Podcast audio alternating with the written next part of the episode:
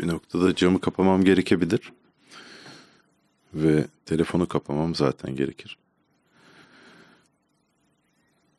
Şeyden bahsedecektim ya. Ee, okuduğum bir kitaptan ve hep okuya geldiğim çayımdan da bir yudum alayım. Ee, kitabın ismi Az Gittik Uz Gittik. Ee, Pertev Naili Borutan'ın masal derlemesi. Ee, ben masal formunu çok seviyorum. Ee, çok da masal okudum hep. Ee, bana da masal okundu. Ve böyle ilk okunan masal da bu kitaptı işte Az Gittik Uz Gittik. Ee, benim aşırı sevdiğim hep bizimkilere bana okuttuğum bir kitap olduğunu hatırlıyorum. Sonra okumayı öğrendiğimde de ilk okuduğum kitap oldu. Sonra ara sıra ben o masal kitabını okuyorum. Masal formuna meraklı olduğum için diğer işte Binbir Gece'yi de okudum. O da hoştu mesela. Biraz böyle o kültürün daha ne, nelere koptuğunu yani niye Dubai'nin öyle olduğu da anlaşılıyor sanki Alaaddin'i ve o masalları okurken. Ama aynı zamanda e, yani hoşuma da gitmişti. Kötü değildi fakat bana biraz ekstrem geldiğini hatırlıyorum. Konseptlerin değil de e, anlatım biçiminin. Ve böyle e, biraz yani üstünde bir tane böyle adamın Alaaddin'in sırtına çıkıp içilmeyen bir herif vardı. O mesela bayağı rahatsız edici bir imaj olarak aklımda kalmış. Ama böyle bir zenginlik, o bahçeler, e, bahçelerin tasviri ya da bir hazine bulunduğunda hazinenin tasviri hep böyle görkemli ve abartılı, ihtişamlı gelirdi. O da bana korkutucu gelirdi açıkçası. E, Grimm'leri de okudum. E, Deli Gücük var. Deli Gücük resmedilmişti aynı zamanda. Bir çizerin çizdiği. Deli Gücük bayağı iyiydi. Okuduğum masallar arasında. E, ve bu Pertev'in kitabının da meğerse şöyle bir önemi varmış. Pertev Naili Boratov bu Türk e, Dil Tarih Coğrafya Fakültesi e, na karşı yapılan bir ilk o zamanki iktidarın yaptığı bir e, neşter var yani. Bunlar böyle işte İkinci Dünya Savaşı'ndan sonra biz Amerikalıları anlamaya çalışıyoruz. O yüzden bunları da komünist gibi gösterip e, ayaklarını kaydırmaya çalışmışlar. Hatta kaydırmışlar da. İşte Beyce Boran, Pertev, Niyazi Berkes. Bu arada Niyazi Berkes süper, o da süper bir adam. Tabii ki e, bir siyasi, siyaset, siyasal, siyaset tarihçisi mi? Tarihçi işte adam, siyasi bilim. Ve e, Unutulan Yıllar diye bir kitabını okudum ben. E, Türkiye Osmanlı'dan bugüne modernleşme tarihi diye de bir kitap var. 23 yaşında galiba tez olarak yazıyor. Sonra bir daha yıllar sonra bir daha düzeltiyor. Yani kendi güncelliyor diyeyim. E, Unutulan Yıllar e, bütün hayatının bir özeti gibi. E, belki yani benim burada anlattığım şeyler gibi şey anlatılıyor bu arada. Çok yani komik ve hafif bir dili var. E, yani güzel bir dil kullanım var Türkçe kullanım ama hiç böyle aşırı e, akademik değil özellikle unutulan yıllardaki ve bazı paragrafları böyle alıp bugüne cart diye koyabiliyorsunuz şablon gibi yani hani ve her tarafına yani muhalefetine sağına soluna iktidarına bizzat aynısıymış gibi hissettiren şeyler var. Onun anlatımıyla olanları bir de onun ağzından dinlemek bana iyi gelmişti. Ee, yani çok ince bir neşteri o yüzden kullandım. Çünkü hani aslında yapılan bu insanların üstüne basmak olmuş ama neşter çok kritik bir neşter. Çünkü Niyazi'den bütün e, son 70 seneyi dinlemek bambaşka oluyor. 70 senenin hepsinde yoktu da. Yani en azından ondan geçmişten günümüze onun anlatımıyla, onun gördüğü haliyle. Çünkü oradaki gerçek bambaşka ve yine gerçek yani hatta daha gerçek.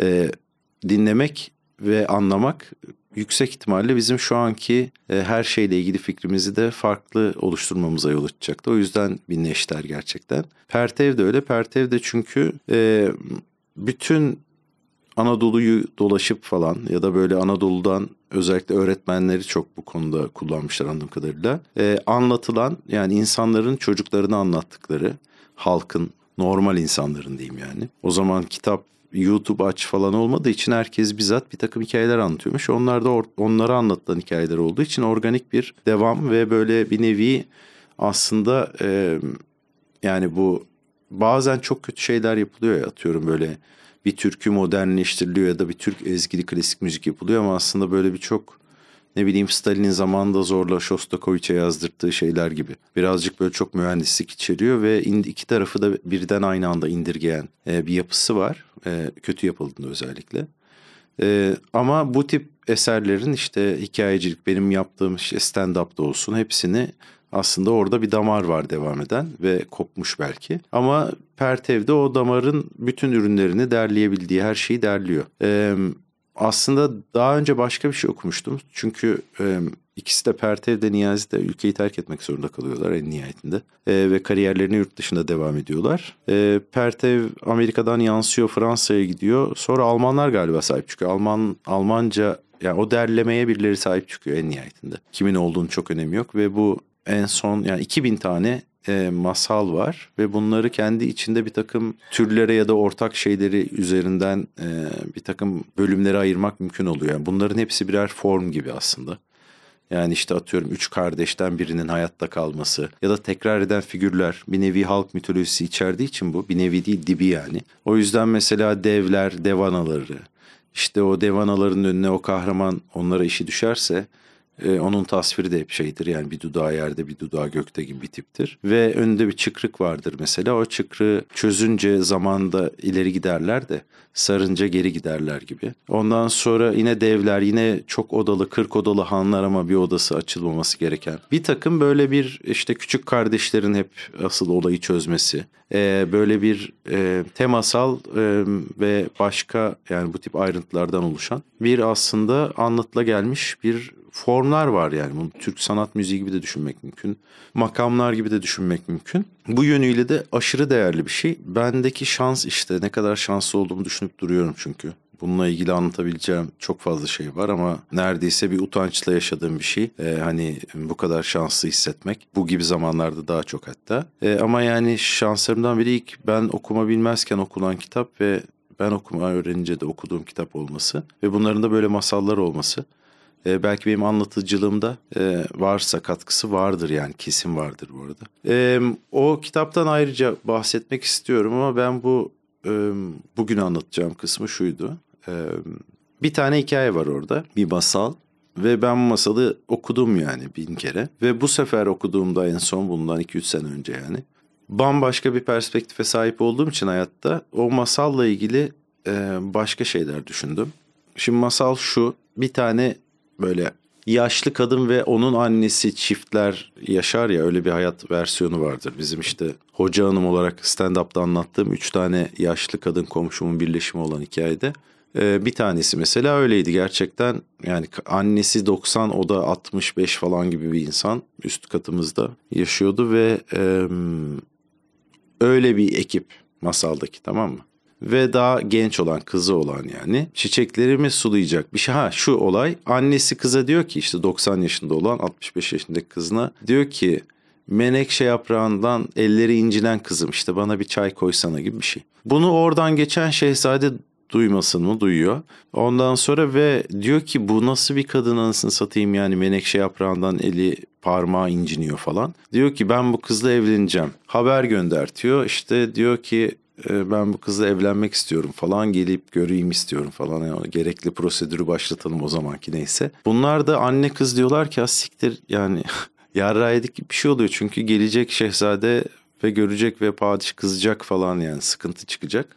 Diyorlar ki e, sadece diyorlar parmağını görebilir yüzük takacağı. Tamam diyor şehzade annesiyle yüzüğü gönderecek. Bunlar da o parmağı masal bu bu arada yani ve var orada.